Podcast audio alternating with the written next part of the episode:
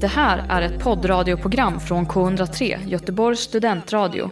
Du hittar oss på k103.se. Av upphovsrättsliga skäl är musiken förkortad. Rätt vad det är någon annan som är hetare, eller någon annan som är mer attraktiv på marknaden liksom, i branschen. Och, och då tror jag att när du väl är, är där och du får möjlighet att kunna välja så måste man nog göra det och följa hjärtat utan att tänka, försöka vara taktisk eller utan att tänka på pengar. Eller liksom. Utan bara nu fick jag möjligheten, nu hade jag möjligheten att tacka nej. På Mm. grund av att jag hade andra jobb också. Ja men då kanske jag ska göra det om det känns som att jag verkligen vill göra det. Jag heter Henrik Berggren. Jag heter Håkan Hellström. Hej, det här är Timo Räisänen. Det här är Björn. Och Daniel Flames. Du lyssnar på, lyssnar på K103. K103. Göteborgs studentradio. Välkomna till andra säsongen av Äkta känner äkta. En podd om teater och film. Jag heter Marcus Standoft, jag är skådespelare och lärare. Under säsong två kommer ni tillsammans med mig få möjligheten att blicka in i olika kulturarbetares liv. Dagens gäst heter Mattias Nordqvist. Välkommen till studion. Tack så mycket.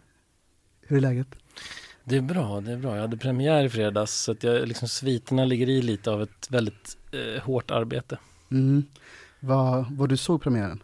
Jag var så premiären, ja jag regisserade. Så Ja. det är fördelen med att man får sitta i salongen istället för att stå på scen. Man behöver inte, behöver inte svettas lika mycket. Nej men precis. Jag har gjort precis. mitt jobb liksom. Du har gjort ditt jobb, men ehm, alltså, är, är det liksom, är det obligatoriskt för regissören att när man har regisserat att man går och ser premiären? Eller kan det vara så här ibland bara, okej, jag har gjort mitt jobb, jag släpper det här nu. Det finns säkert de regissörer som gör så. Eh, jag skulle aldrig komma på tanken att göra det tror jag. Mm. För att det känns illojalt mot eh, människor som har lagt ner allt sitt hjärta och all sin kraft i det som jag har velat vara och skapa. Liksom. Så att jag skulle nog kom, aldrig komma på idén att inte dyka upp. Nej. ehm, faktiskt. Kommer du se den mer än premiärgången? Liksom? Ja, det brukar jag göra. Ja. Det brukar jag. Jag ska faktiskt se den redan på fredag, för då har vi samtal efteråt. Okej, ja. Och redan, för det var ju premiär i fredags, Ja. så, så en, en vecka senare, hur många, hur många föreställningar har ni hunnit köra däremellan? Oj, jag vet faktiskt inte. Jag tror de kanske har spelat tre eller fyra stycken. Ja. Ja. Och det är alltså barnen på Göteborgs Dramatiska Teater. Precis. Vad, vad, vad, gör, vad gör du om du nu, du kommer dit fredag och, och tänker, ja, men det, här, det här ska bli intressant och så märker du att det här är inte vad vi kom fram till. vad, gör du? Nej, men tack och lov har det aldrig hänt mig tror jag. När jag har regisserat. Jag vet inte, jag kanske är alldeles för tydlig med vad det är som gäller, men det är ingen som vågar. Nej, men eh, ofta så måste man också som regissör, tänker jag, man måste våga släppa kontrollen lite. Det är ju faktiskt så att det där är ju deras show nu. Liksom. Mm. Det, det, jag, jag har gjort det jag har kunnat. Jag, jag har tillsammans med dem arbetat fram hur den här föreställningen skulle vara. Sen måste den få leva sitt eget liv också. Det är klart om folk har bytt kläder och repliker och inte gör som man, eller spelar en annan typ än vad vi har sagt. Då är det klart att jag kommer reagera och säga till. Mm. Men att en föreställning går iväg åt ett annat håll lite grann eller får en annan fart eller så. Det tänker jag är helt naturligt och så måste det få vara. För annars så, annars så jag brukar säga det, regissörer som vill ha full kontroll, jag brukar råda dem till att hålla på med animering. Mhm, För då kan man bestämma minsta detalj. Jag tänker att hela vitsen med att hålla på med teater är, är ju att det får leva. Att det är en Mm. konstform som varje kväll är ny. Liksom. Mm. Mm, Jag fattar. Har, har du själv hållit på med animering någon? Nej, jag har alldeles för lite tålamod för det. Okej. ja, ja, ja, ja. Eh, spännande. Men annars, vad, vad, vad, hur har din dag sett ut? Vad har du gjort idag? Idag har jag inte gjort så jättemycket faktiskt. Eh, väldigt lite.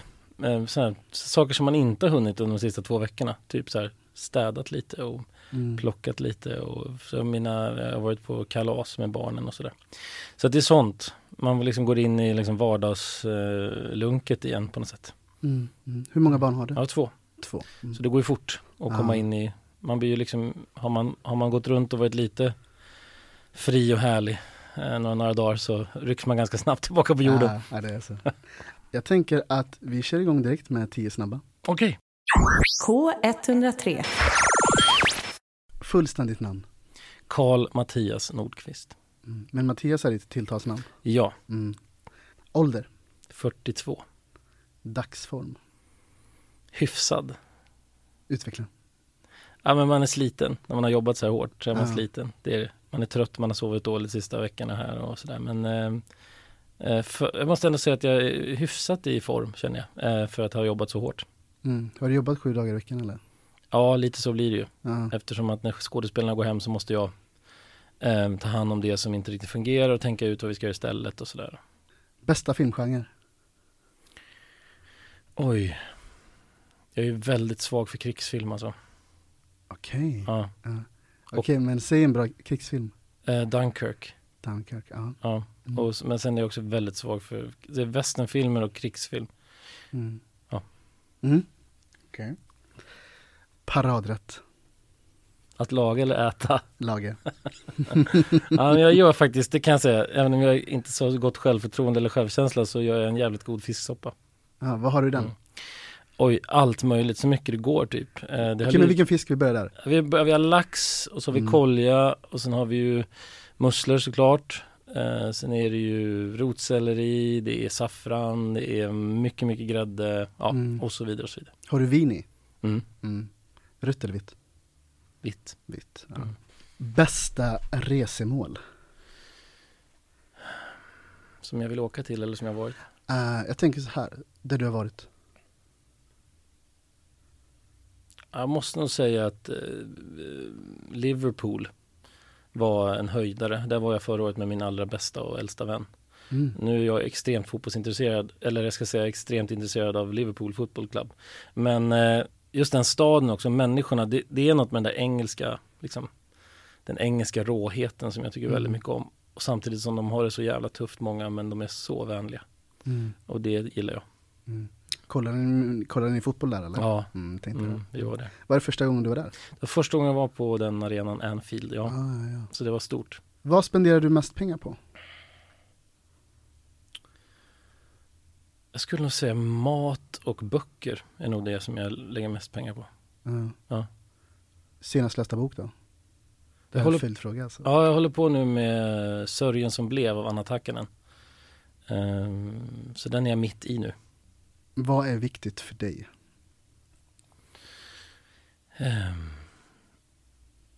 alltså, jag tror att jag har med mig någon slags, det har jag haft länge i mitt liv, alltså något rättvisepatos. Jag, jag tycker rättvisa och jämlikhet ehm, är, är det absolut viktigaste i ett samhälle. Och, och jag far ganska illa av det. Jag har väldigt svårt att liksom bara inte låtsas om att det sker.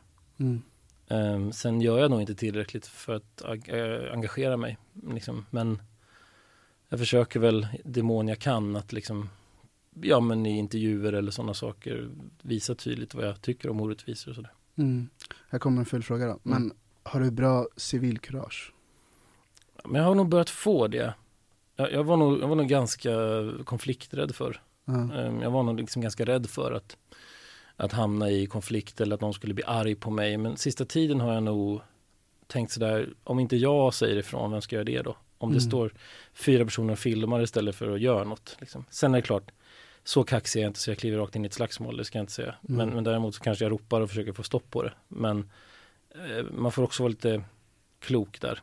Mm. Man, man kan inte liksom kanske kliva in i varenda situation. Det finns ju också risker med det, tänker jag. Toppartist just nu?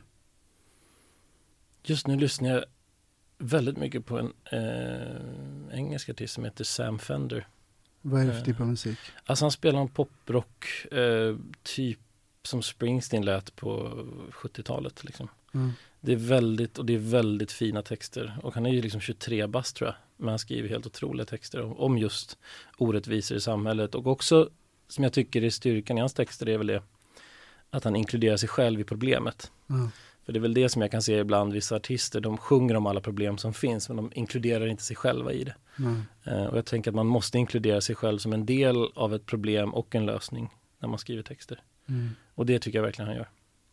Och tj- vad sa du, 23 år gammal? Han är 23. Ja, Ja, det, Sam- det är ganska han, fascinerande. han låter inte 23 kan jag säga. Nej, Nej, nej, det låter- inte så när du förklarar honom Nej. Nej, men han är väldigt, väldigt bra tycker jag. Mest uppskattad egenskap hos en annan människa? Vänlighet tror jag. Mm. Varför det? Vänlighet och omtänksamhet. Därför att jag tycker att det är Mm, Jag vet inte, men det är någonting med, med den känslan. Man träffar människor som är genuint liksom vänliga och som ändå har någon slags tro om människors godhet. Så, så jag tycker man blir stärkt av det. Och jag Mm. kan vara ganska, tappa hoppet ganska mycket ofta. Och bli ganska så bitter och sur. Liksom. Men då är det härligt för då kan man liksom med sådana människor som då har liksom en slags eh, vänlighet och eh, de kan liksom hjälpa en lyfta upp en igen. Mm. Man kan känna sig, just det, det är så jag vill vara också. Liksom. Så det är ju, ja men vänlighet och omtänksamhet tror jag är de, de, de, de två egenskaper som jag värdesätter mest. Mm, fint. Eh, det var dem. Hur kändes det? Ja, spännande. Ja. du, ja, du, jag, jag tyckte om dina svar, för alltså, du var ju inte beredd på det här. Nej, men de, de lät ändå liksom så här väl genomtänkta. ja, men jag tänker, ofta får man bara tänka sig, nu ska jag svara precis det jag, det jag känner. Ja. Istället för nu ska jag tänka ut något smart att säga. Mm, Det brukar ofta bli bättre då. mm. Inte- Inte alltid, men Nej, Nej men precis, men, men alltså, jag tänker så här också, du, du, du som antar jag får göra en del intervjuer, alltså var det mycket så i början att okej men nu vill jag låta, jag vill låta liksom klok och erfaren och säga viktiga saker, alltså förstår du vad jag menar? mm. Var det mycket så i början eller? jag tror jag försökte vara lite duktig i början. Mm. Ja, det tror jag. Jag försökte vara så här, vad kan, vad kan de tänkas vilja höra? Mm. Och sådär. Ja men precis. Och, och, och med åren tror jag, nu när man har gjort så pass mycket sista, som jag har gjort sista fyra åren här, så, så vänjer man sig vid frågor och sånt, men man blir också, man blir också mer ärlig med att så här, ja, jag kan svara lite ärligare på vissa frågor, Mm. lite mer personligt på vissa frågor, därför man känner så här, annars blir man bara någon som rapar upp eh, liksom så här klyschiga svar på grejer. Så jag Mm. försöker nog vara lite mer sådär ärlig och öppen tror jag, nu, Mm. än vad jag var i början. Mm. Jag tänker så här, så länge man inte är elak mot någon eller gör någon illa, vad är det värsta som kan hända då? Om man är, Ja men precis. Precis. Alltså, det, jag, tänker, jag tänker att det inte finns någonting som Det kommer alltid finnas folk som inte tycker som dig. Det kommer Mm. alltid finnas de som tycker att du är en idiot eller så. Det får Mm. man bara ta liksom. Eh, då är det bättre att man kan gå ut från en intervju eller, så liksom, eller som här när vi sitter och pratar och veta att så här, nej, men jag pratade från hjärtat, jag pratade utifrån den jag är. Inte utifrån den jag hoppas att folk ska tro den jag är liksom. Eh, jag har gjort en sammanfattning, om dig. Okej, spännande. Eh, och det här gör jag om, om, om alla gäster. Eh, ibland så, så har jag rätt. Ibland kan jag vara ute på, på inte på hal is, men ibland så kan, kan jag få tag i någonting som kanske inte stämmer. Så stoppa mig i så fall. nej, det ska jag. Ja. Eh, Mattias, du är skådespelare och regissör. Ja. Mm. Du är utbildad via Teaterhögskolan i Malmö Ja, och tog examen 2007. yes. Eh, du tillhör den fasta ensemblen på Göteborgs stadsteater. Eh, medverkat i hittills 25 produktioner. Kan det stämma? Oh shit, det vet du bättre än jag tror. Jag tror jag satt och räknade så här. Pff, Ja. Det måste vara 25. Ja, men då har du nog rätt. Ja, Ja. Bland annat En handelsresande stöd. Ja, men, och där spelar du även bror till Adam Lundgren. Spelar du Happy eller Biff? Biff. Biff. Och det är den äldre brodern då? Mm. Mm, just det. Eh, och, och, och det här då, det leder ju såklart vidare till din roll som Gustav Levander i Vår tiden nu. Mm. Senast har man kunnat se det bland annat Sommaren 85. Jättefin serie. Men även White Wall. Yes. Men du har nyligen regisserat föreställningen Barnen på Göteborgs Dramatiska Teater. Eh, Barnen hade premiär nu i fredags den 16 oktober och spelas fram till den 6 december. Yes. Vad har jag missat? Ja, det var nog allt. Snyggt. Nej, men Något måste jag missa. Ja, något kan jag missa. Ja. Alltså det, jag håller just nu på och färdigställer eh, en skiva med min musik. Mhm. Så det håller jag på, eller jag gör inte det faktiskt. Det är min eh, gode producent och vän Georgie som gör det i Svenska Grammofonstudion. Han sitter och mixar färdigt skivan. Eh, så det är på gång också. Eh, och sen så ska jag om två veckor flytta upp till Stockholm i tre månader och börja på Riksteatern. Mhm. Jag ska spela i Medea.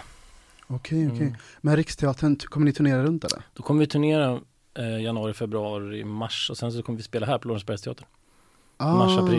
Mm. Ah, ja. Okej, men, men äh, vad, Riksteatern alltså? Mm. Vad spännande. Har du, Jag- har du jobbat där innan? Jag har aldrig gjort det och jag har liksom haft en slags tanke om att någon gång skulle jag vilja göra det. Ja. Jag tänker att det finns vissa grejer sådär att ehm, man kan känna sig, men jag vill checka av vissa grejer. Jag, ska Mm. liksom, jobba på Riksteatern är en sån grej som jag har velat göra.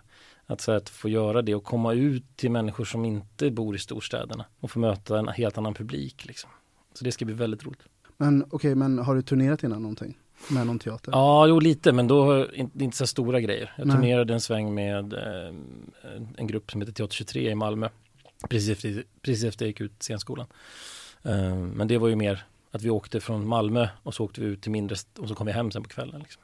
Okej, så det var alltså orter runt omkring Malmö? Precis. Mm. Spännande. Mm. Men, men eh, hur kommer ni förhålla er till, till corona nu liksom med, med det här med turnera och är, är det 50 personer som gäller? Ja, som, som jag har förstått så är det ju det. Ja, Ehm, och jag tänker det blir inte så problem om man är på uh, mindre orter. Nej. Där kanske det inte kommer fler än 50. Mm. Liksom. Så att det, det är ju, men vi får väl hoppas och, och tro att det har kommit nya beslut här eh, fram tills dess. Vi har inte premiär förrän 22 januari tror jag. Så Mm. att, eh, tills dess hinner det väl hända någonting kanske. Så får vi se. Här har jag skrivit Beskriv din kärlek till att arbeta på krog. um, jag tror att det är flödet av människor, flödet av olika typer av människor och också att det är ett högt tempo som är liksom, att det bara går i ett. Det är aldrig liksom att man sätter sig på, på någon stol och bara sitter och häckar liksom. Det är farten och den där känslan av när man liksom kliver av ett pass och är helt slut liksom och har gått så här 25 000 steg om man kollar stegmätarna så här liksom. Mm. Eh, och att man har hunnit träffa så många olika typer av människor. Eh, trevliga, dryga, roliga liksom. Så här. Mm. Eh, jag tror att det är tjusningen och sen sammanhållningen som det ofta blir i en personal på en krog. Att man är liksom, man är som ett, någon slags cirkussällskap liksom. Mm. Man, är, man är också väldigt blandad, liksom väldigt blandad. Liksom, vi kommer från, man kommer från helt olika samhällsklasser. Man liksom, eh, om man jobbar på bra krogar vill säga. Jobbar man på Mm. dåliga krogar så är det ofta ganska mycket tuffare. Men jag har faktiskt i mitt liv bara jobbat på bra krogar. Så att, eh, Mm. det är nog det som är tjusningen, människorna. Vill, vill du säga vilken krog som du är mest aktiv på eller? Alltså nu, jag har, sist jag jobbade var på Dubbel Dubbel på Mm. Polhemsplatsen här nere vid Centralen. Jaha, Ja, ja, ja, ja, Ja. där, Un, Mm. under GP eller? ja precis, GP-huset. Ja, Så okej. där var jag senast då. Mm. Ehm, Men eh, vi får se. Jag kanske dyker upp någon annanstans också. Jag vet inte än. Vi får se vad som händer framöver. Ja. Och, och, och vad är då din roll när du jobbar? Min liksom, Är roll- du roddare eller liksom står i bar eller vad? vad? Jag har försökt undvika att jobba kväll eftersom jag har småbarn så försöker jag vara hemma på kvällarna. Men så jag jobbade ju nästan uteslutande dagtid, alltså luncher om man säger. Ja. och gjorde i ordning för kvällen. Sådär. Så min uppgift var väl helt enkelt att stå i, i kassan, ta emot beställningar, se till att liksom, och sen gjorde jag ordning hela restaurangen innan lunchen och gjorde ordning efter lunchen. Så det var liksom allt, allt typ gjorde man. Och, och är det här något intresse som har dykt upp på senare tid eller har det alltid funnits hos dig? jag jobbade, första gången jag jobbade på krog så var väl jag typ 19-20 någonting. Ja, Sen har jag okej. liksom eh, åkt in och ur där. Eh, jobbat lite då och då på olika krogar. Hoppat in och sådär. Eh, jobbat som bartender ett tag, det är ingen hit. För det, jag var så jävla dålig på att komma ihåg drinkarna. Gick du en sån här bartenderutbildning Ja då? men lite snabbt för jag var tvungen att hoppa in.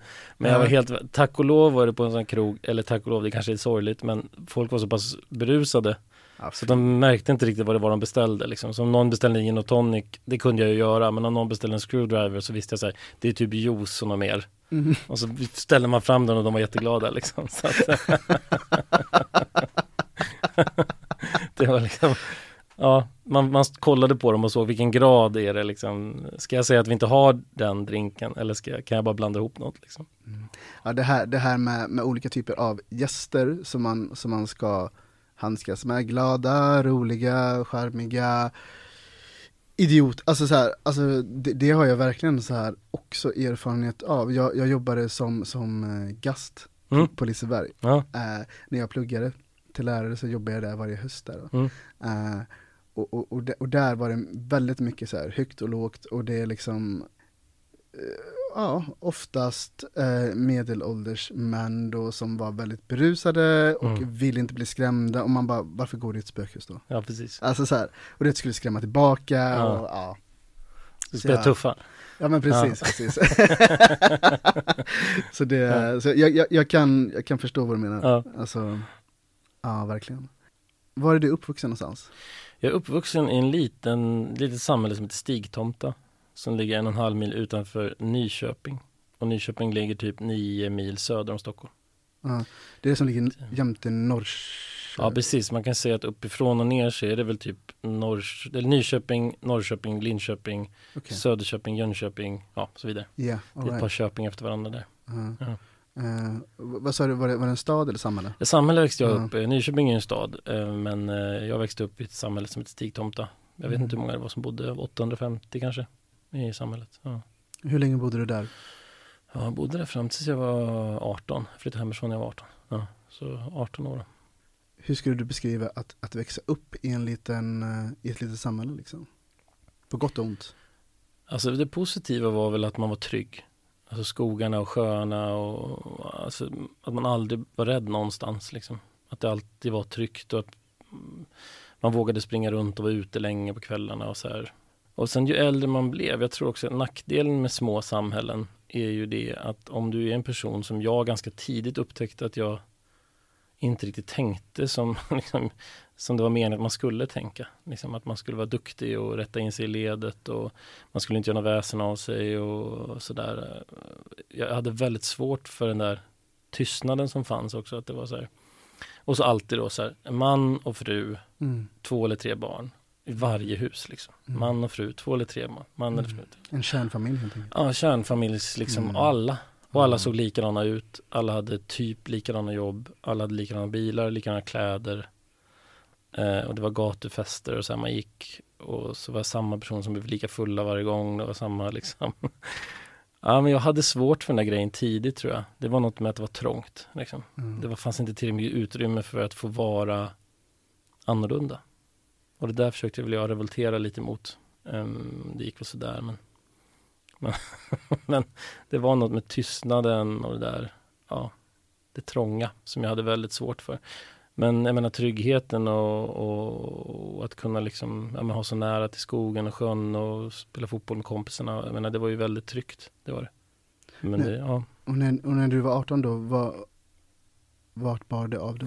Alltså då bar det inte av så långt, då var det inte Nyköping då. Mm. Men just det att få en egen lägenhet som var bara min. Ja. Och så jobbade jag som tidningsdistributör då. Så jag körde ut så veckotidningar och hämtade returer till olika eh, affärer Ja. runt om i stan och sådär. Det var en frihet liksom. Det var det. Eh, samtidigt som att jag visste inte hur man lagade mat. Jag kunde liksom inte tvätta. Så det var, det var också en, en skola för mig. Mm. Helt klart. Eh, Försöka förstå hur en tvättmaskin funkar och så. här. Men det, jag tycker också så här, alltså du sa men det, det var inte så långt, så här, men det gör också någonting hos en människa med det här miljöombytet. Så här, även fast det handlar om, om, om 20 mil eller 3 mil, alltså Mm. någonting händer ju i en människa när, den, när miljön byts ut, Ja. tänker jag. Ja men absolut. Ja. Absolut. Och man vågar börja drömma mer för man har slagit sig fri från ja, Jag tänker också grannar som har sett den växa upp och som känner den och Ja. vet så, så fort man gjorde något bus eller något så visste morsan om det innan man kom hem liksom. Mm. Sådana saker. Att vara fri, att få vara liksom i en stad där jag visst kände massa folk men, men det var inga liksom grannar som vaktade på en. Det var ingen liksom Det var inte så ja det är Nordqvists grabb liksom. Man, man blev mer anonym på något sätt och det passade mig väldigt bra.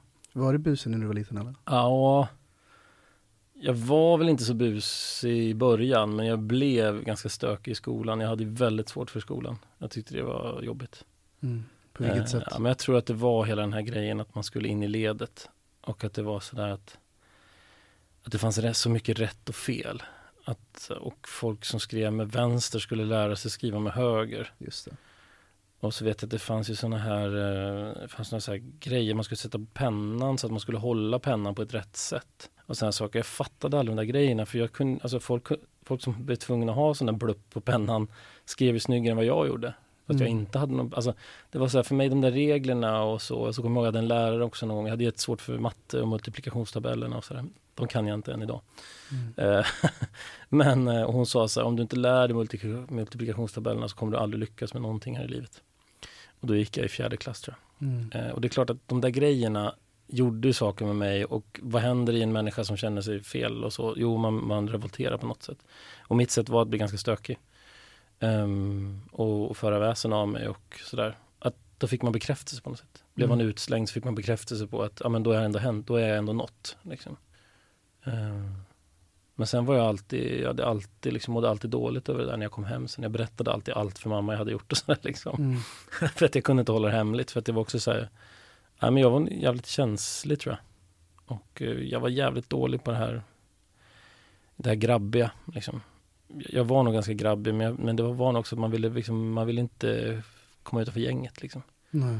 Så man grabbade upp sig, om man säger så. Ja men den här hårda stämningen i omklädningsrummen på fotbollen och sådär. Vet att man ofta cyklade hem med någon sån här klump i magen liksom och kände att det, ja, man visste inte vad det var då. Men i efterhand i vuxen ålder kan man känna sig det, det var, var ingen bra stämning i de där omklädningsrummen. Mm. Liksom. Nej, så jag hade, det, jag hade det ganska tufft faktiskt. Det hade jag. Mm. Um, sen tack vare musiken och då så lyckades jag väl hålla mig liksom i någon slags dröm om att jag skulle någon annanstans.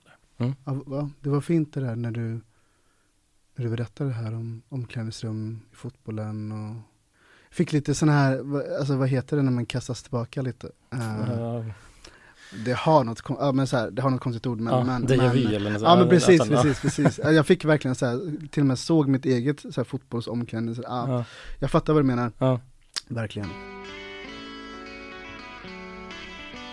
Du lyssnar just nu på en radiostation som är del av SRS, studentradion i Sverige. Nu ska vi gå vidare till Vår tid är nu. Yes, Eh, är det bra eller dåligt? det är bra. Det är bra. ja, eh, Vår tid är nu, Ja, eh, den sändes 2017 till, ja, julspecialen kommer ju sändas ja nu den till kommer i jul. Ja men precis. Mm. Du spelar Gustav Leva- Levander, Mm. hur, hur kom det sig? Hur fick du den här rollen? Det var en slump faktiskt. Det var, det var ju för att, som du nämnde här, Handelsgästernas död, jag och Adam Lundgren spelade bröder där. Mm. Och han hade redan fått rollen som Peter. Okej. Uh, Susanne Reuter var klar, Peter Dalle var klar vet jag. Men så vet jag att de höll på, eller Adam berättade för mig då att det skulle vara med i en tv-serie. Jag hade inte en tanke på att fråga honom om så här, kan inte du tipsa om mig eller så här, för att jag tänkte att nej, men jag har inte gjort någon tv, det är sådär.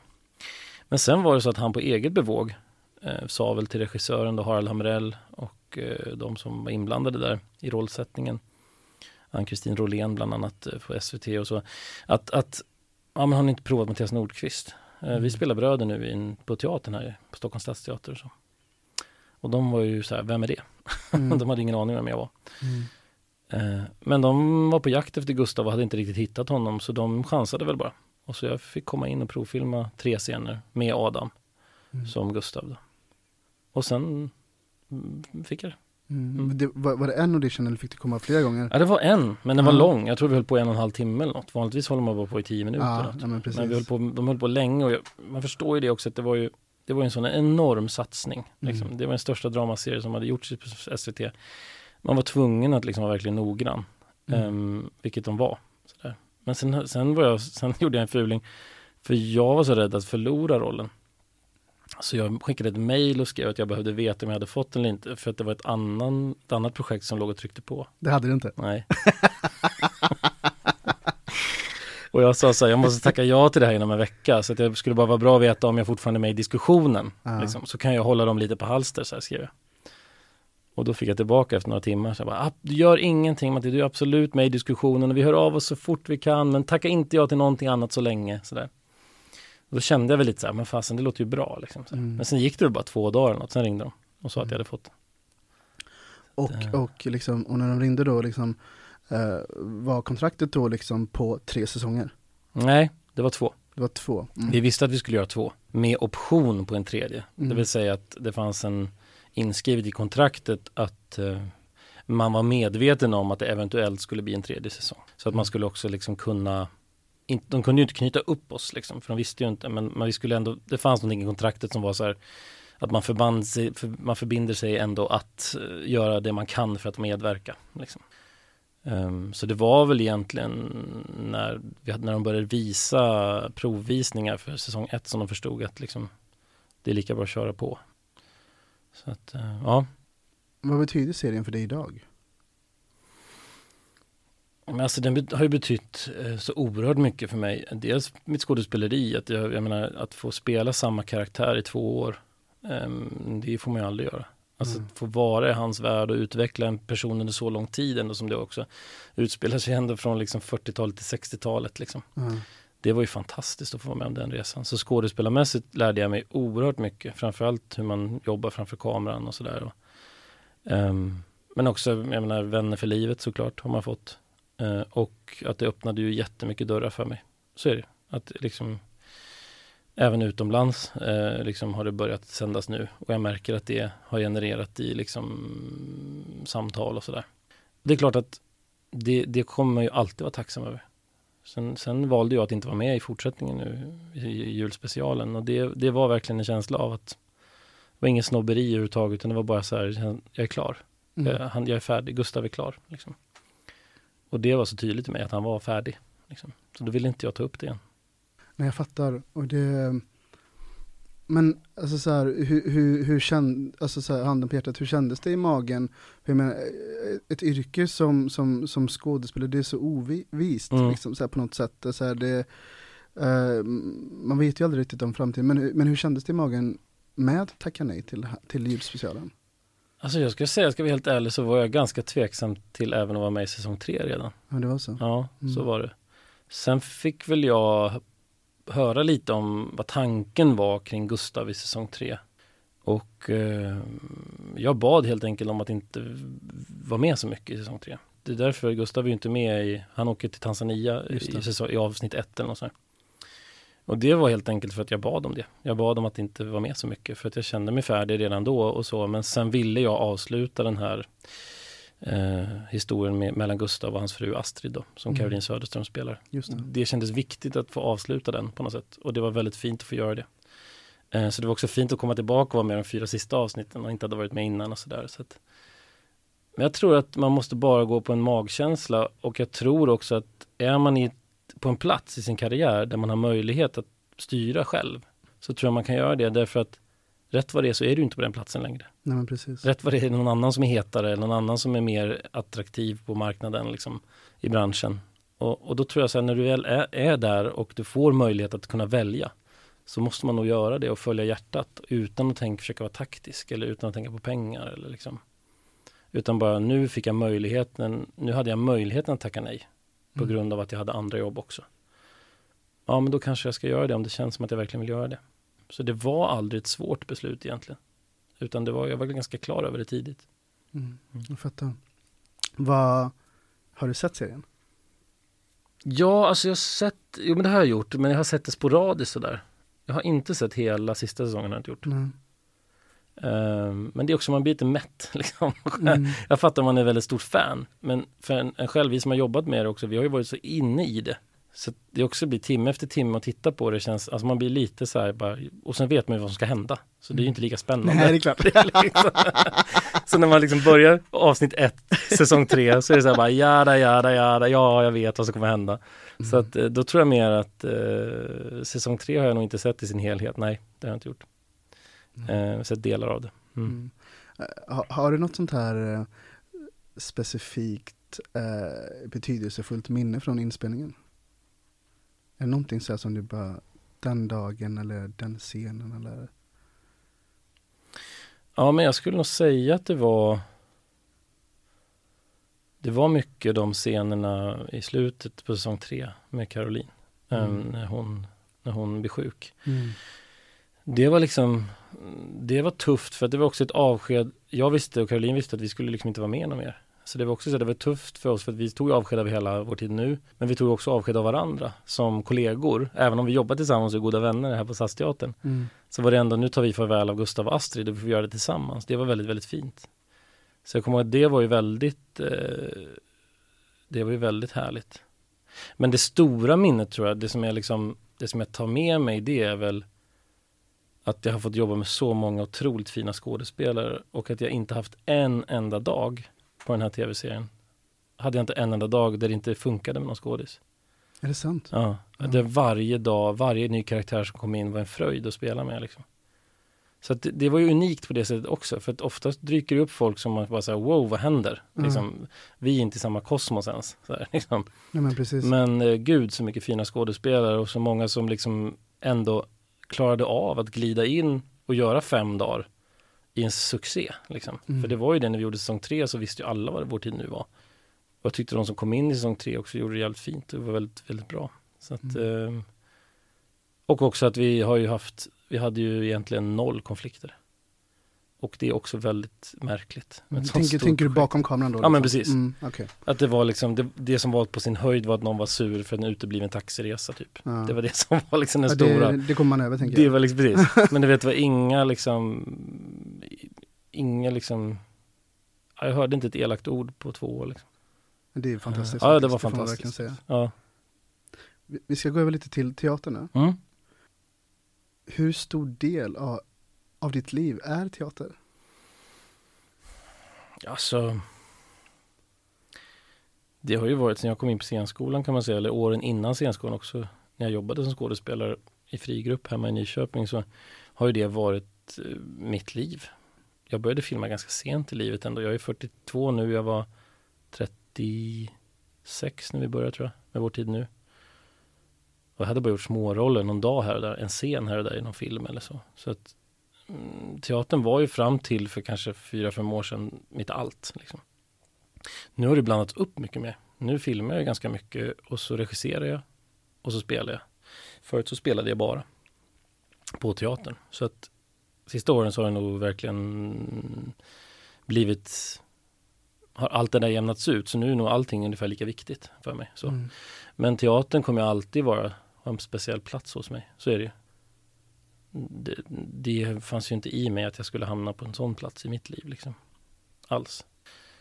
Nej, den har ju betytt oerhört mycket för mig. Men, men som du säger då att du, du började filma ganska sent.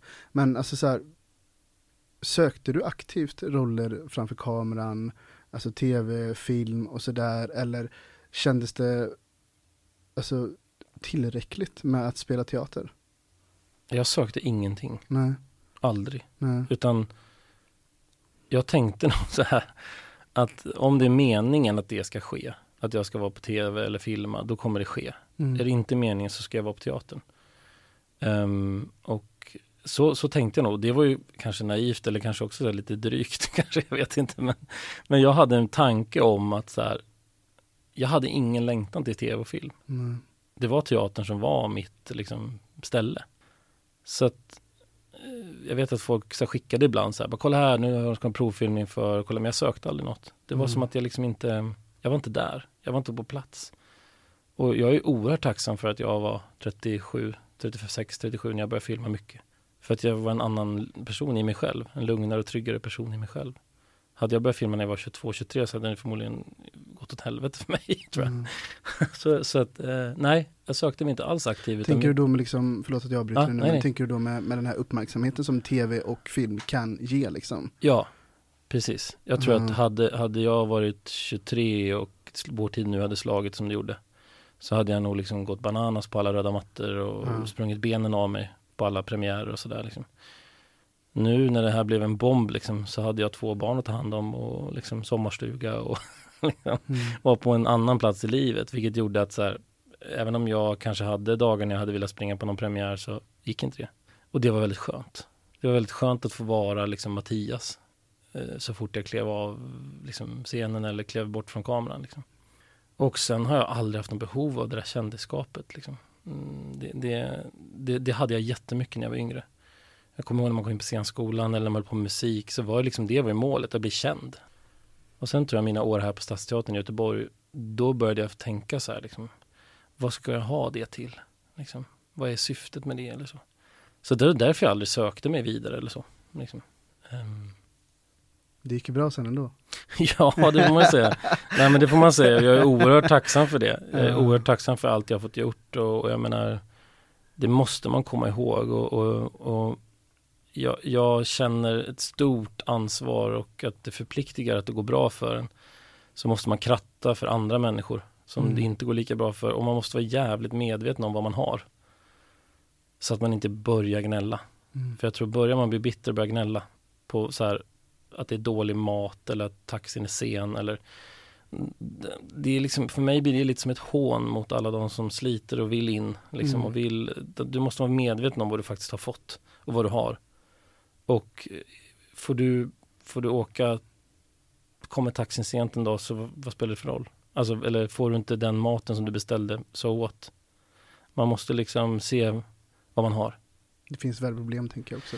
Precis, och jag tror också att det finns en enorm liksom, arbetslöshet och det finns väldigt många som vill in och det finns väldigt många och då måste man, om man står på en, en större plats som man gör om man har mycket jobb, Ja. då måste man kratta för de människorna. Då måste man stå upp för de människorna och, och liksom se de människorna och finnas där för dem när de behöver hjälp och sådär. Det, det, jag, jag tror liksom att jag tror det är enda sättet, för, mig i alla fall.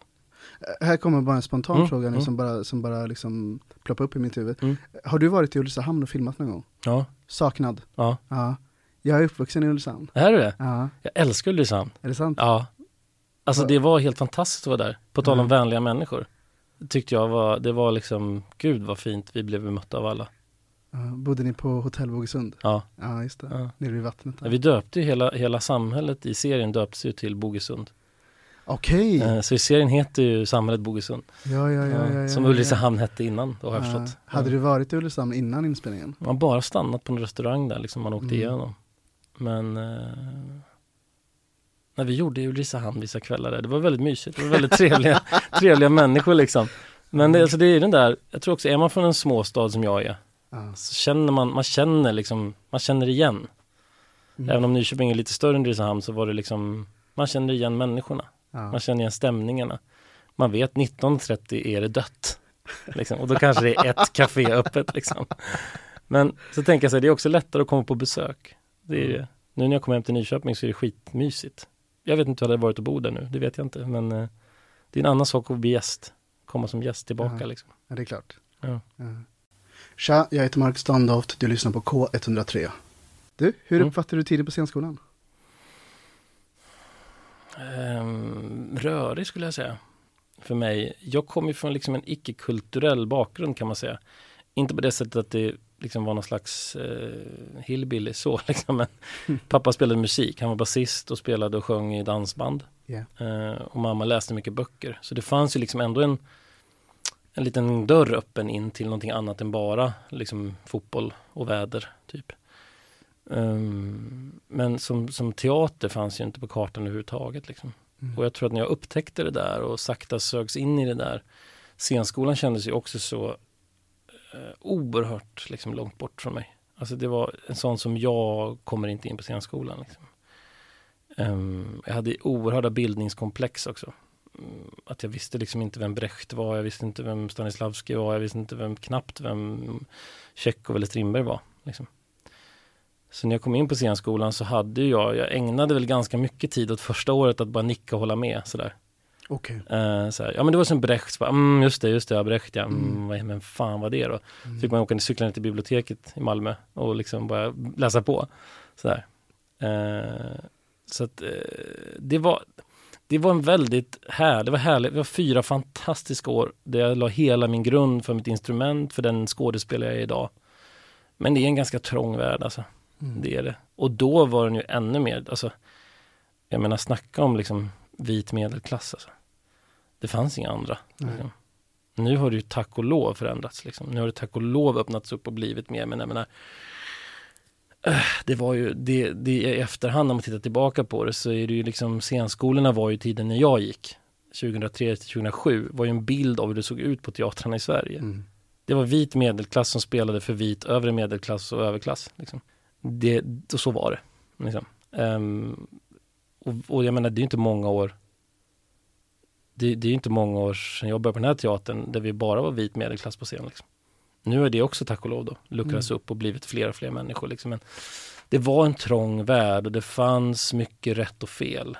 Ehm, Ja men precis som du nämnde innan det här med rätt och fel och Mm. ramar Mm. från, från grundskolan och Mm. mellanstadiet och sådär. Hur förhöll du dig till det då på, på scenskolan liksom? Jag, jag, jag förhöll mig nog rätt alltså bra på det där, för att jag tänkte så här ändå att okej, jag har bildningskomplex, jag vet ingenting om de här människorna, men jag kan ändå, jag är här nu och jag har kommit in och jag ska få den bästa utbildningen jag kan få.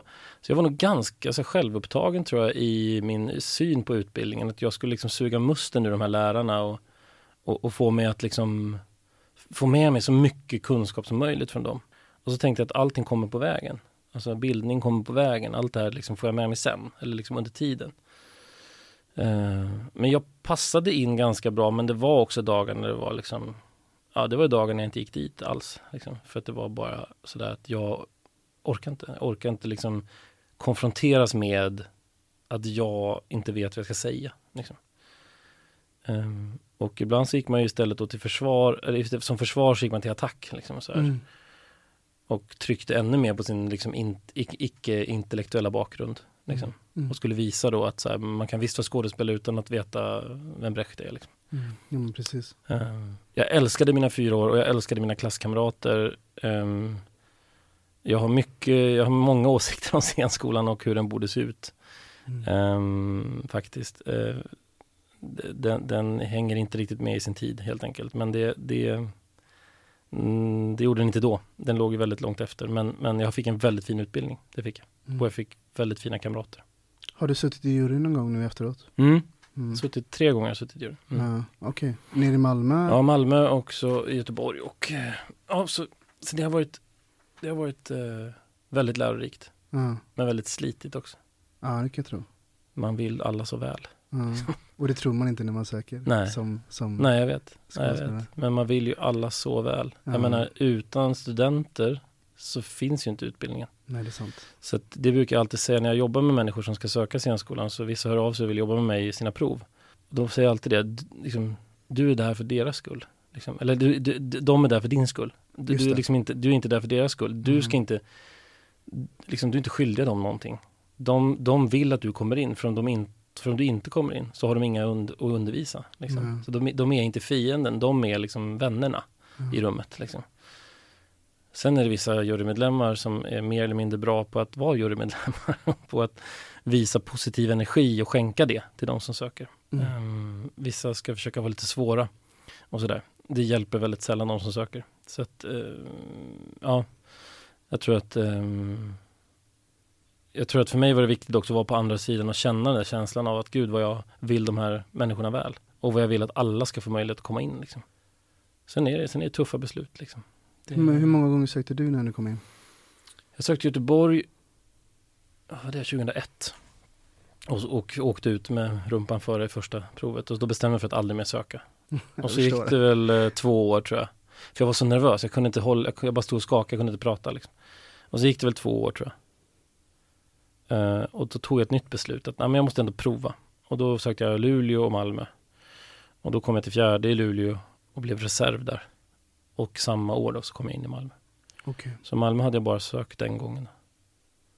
Ehm, i- jag som har sökt alla, alla scenskolor, jag, eh, ehm, jag, tyckte, eller jag tyckte det var vidrigt att söka. Mm. Alltså fullständigt vidrigt. Det, fann, det fanns ingen glädje eller inget roligt i det där. Men, men jag minns, eh, om jag ska ta något positivt ur det där, att, att i Luleå så hade man väldigt, väldigt, alltså, nej, nu, nu, nu var jag på att ljuga. Väldigt, väldigt roligt hade jag absolut inte. Men det var eh, givande på något sätt. Man hade uppvärmning tillsammans och, och man fick, ja men du vet, här, lö- lösa en slags scen, man blev inskickade några stycken, alltså Mm. du vet, den, den urskiljer sig så otroligt mycket Mm. från de andra, när man liksom går in i ett mörkt rum, i svart rum, Mm. sitter liksom en jury framför ett bord, alltså, och så bara gör man Mm. sin scen.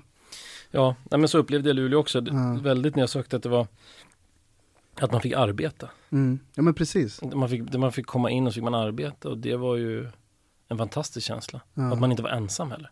Utan man var liksom fyra stycken tillsammans som sökte och ville varandra väl och ville liksom så.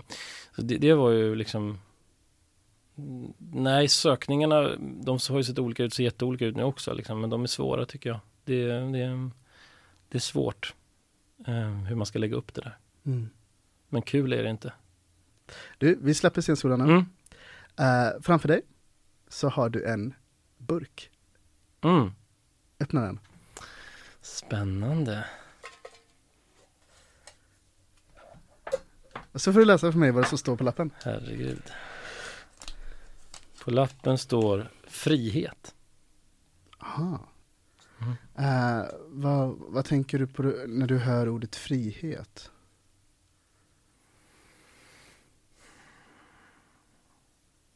Frihet, jag tänker att, att jag tänker jättemycket på de som varit för oss, som har slagits för vår frihet, som har slagits för liksom människors frihet att få välja sina liv.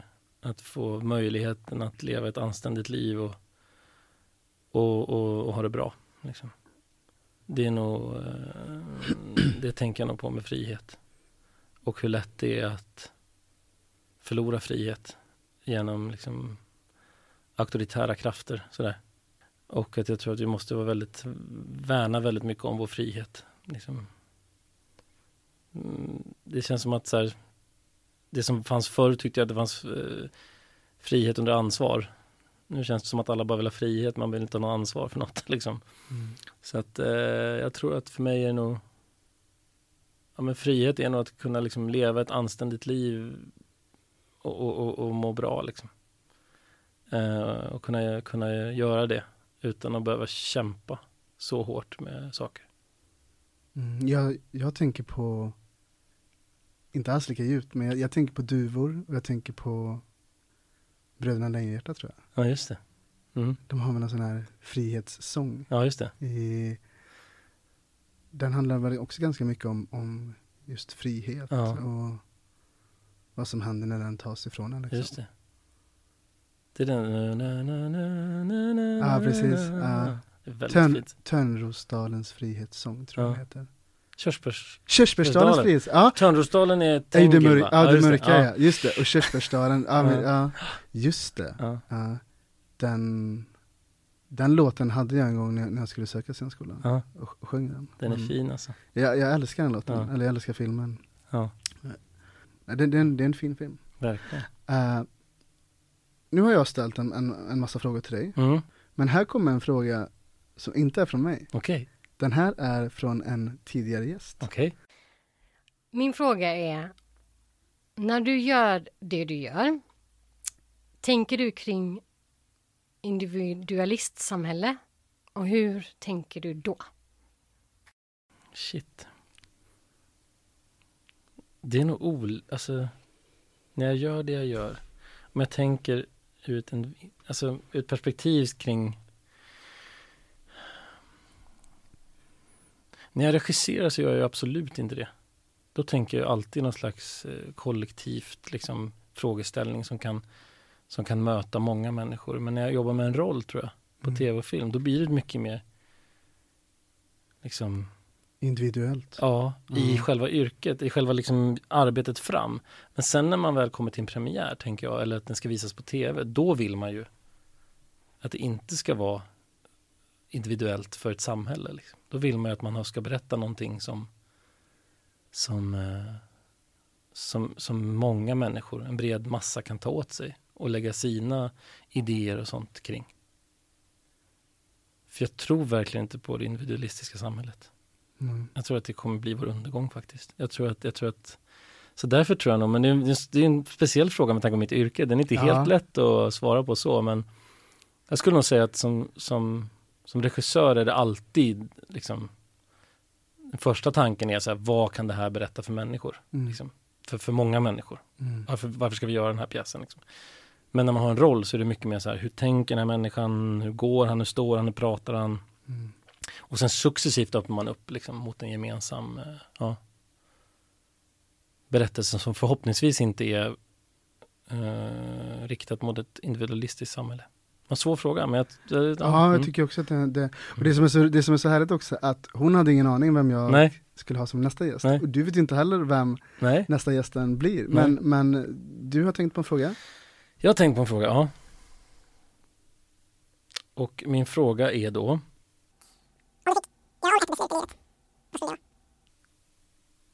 Mm. Ja, wow. Det ska bli intressant att höra vad nästa gäst svarar på det. mm. Eh, Såg du den Vi som fick leva om våra liv på Backa teater? Jag har inte sett den, nej. Nej. Nej. Det, he- hela, hela föreställningen byggde ju på, på ja, det är en intressant fråga. Ja men det är det, jag tänker också så här att det kan ju vara både positivt och negativt. ja. Ofta när man får den där frågan så här tänker man alltid på det dåliga man valde. Som man vill göra om. Precis, liksom, som man vill göra bättre. om. Men ibland ja. tänker jag så här, ja men jag tänker att jag kunde tagit ett ännu bättre beslut. Eller så här, att det var ett jättebra beslut. Men jag hade också velat liksom göra lite så, så hade det blivit lite så också. Liksom. För ofta Ja. tänker man så här, jag skulle aldrig ha gjort sådär. ja, jag liksom. Ja, Varför, Liksom. jag, varför gjorde jag varför så? gjorde jag sa så? Nej men jag Ja. tänker att det är en känsla av att så här, ja, vad, vad gjorde jag med mitt liv och vad gör jag med mitt liv? Och, Innan vi slutar, Mm. är, är det något du vill tipsa lyssnarna om? Vad som helst. Vad som helst. Oj. Då tycker jag faktiskt att man ska gå och se barnen på Göteborgs Dramatiska Teater. Mm. Mm. Jag ska göra det. Härligt. Finns det biljetter kvar? Det finns nog biljetter kvar men man får nog, vi har fått jättefina recensioner nu så att eh, jag tror kanske att det Man får börjar rappa sälja på lite. då. Får rappa på. Vi, Ja. vi säljer ju bara 30 stycken dessutom, det är bara halvsalong. Ja, det är så. Vil- vilka dagar spelar ni? Oj, Det får man gå in och kolla på. jag inte säger fel. Ja, okej, ja, då, då får jag verkligen göra, för jag, den vill jag se. Mm. Du har lyssnat på ett avsnitt av Äkta känner äkta med mig, Marcus Standoft, och Mattias Nordqvist. tack för att du kom hit. Tack för att jag fick komma. Har du haft det trevligt? Väldigt. Nej men jag, är- jag är jätteglad att du, att du tog dig tid, att du Ja. kom hit. Jag tycker att vi, det har varit så in- intressanta samtal. Verkligen. Eh, Så vill man alltid att det ska få fyra timmar till.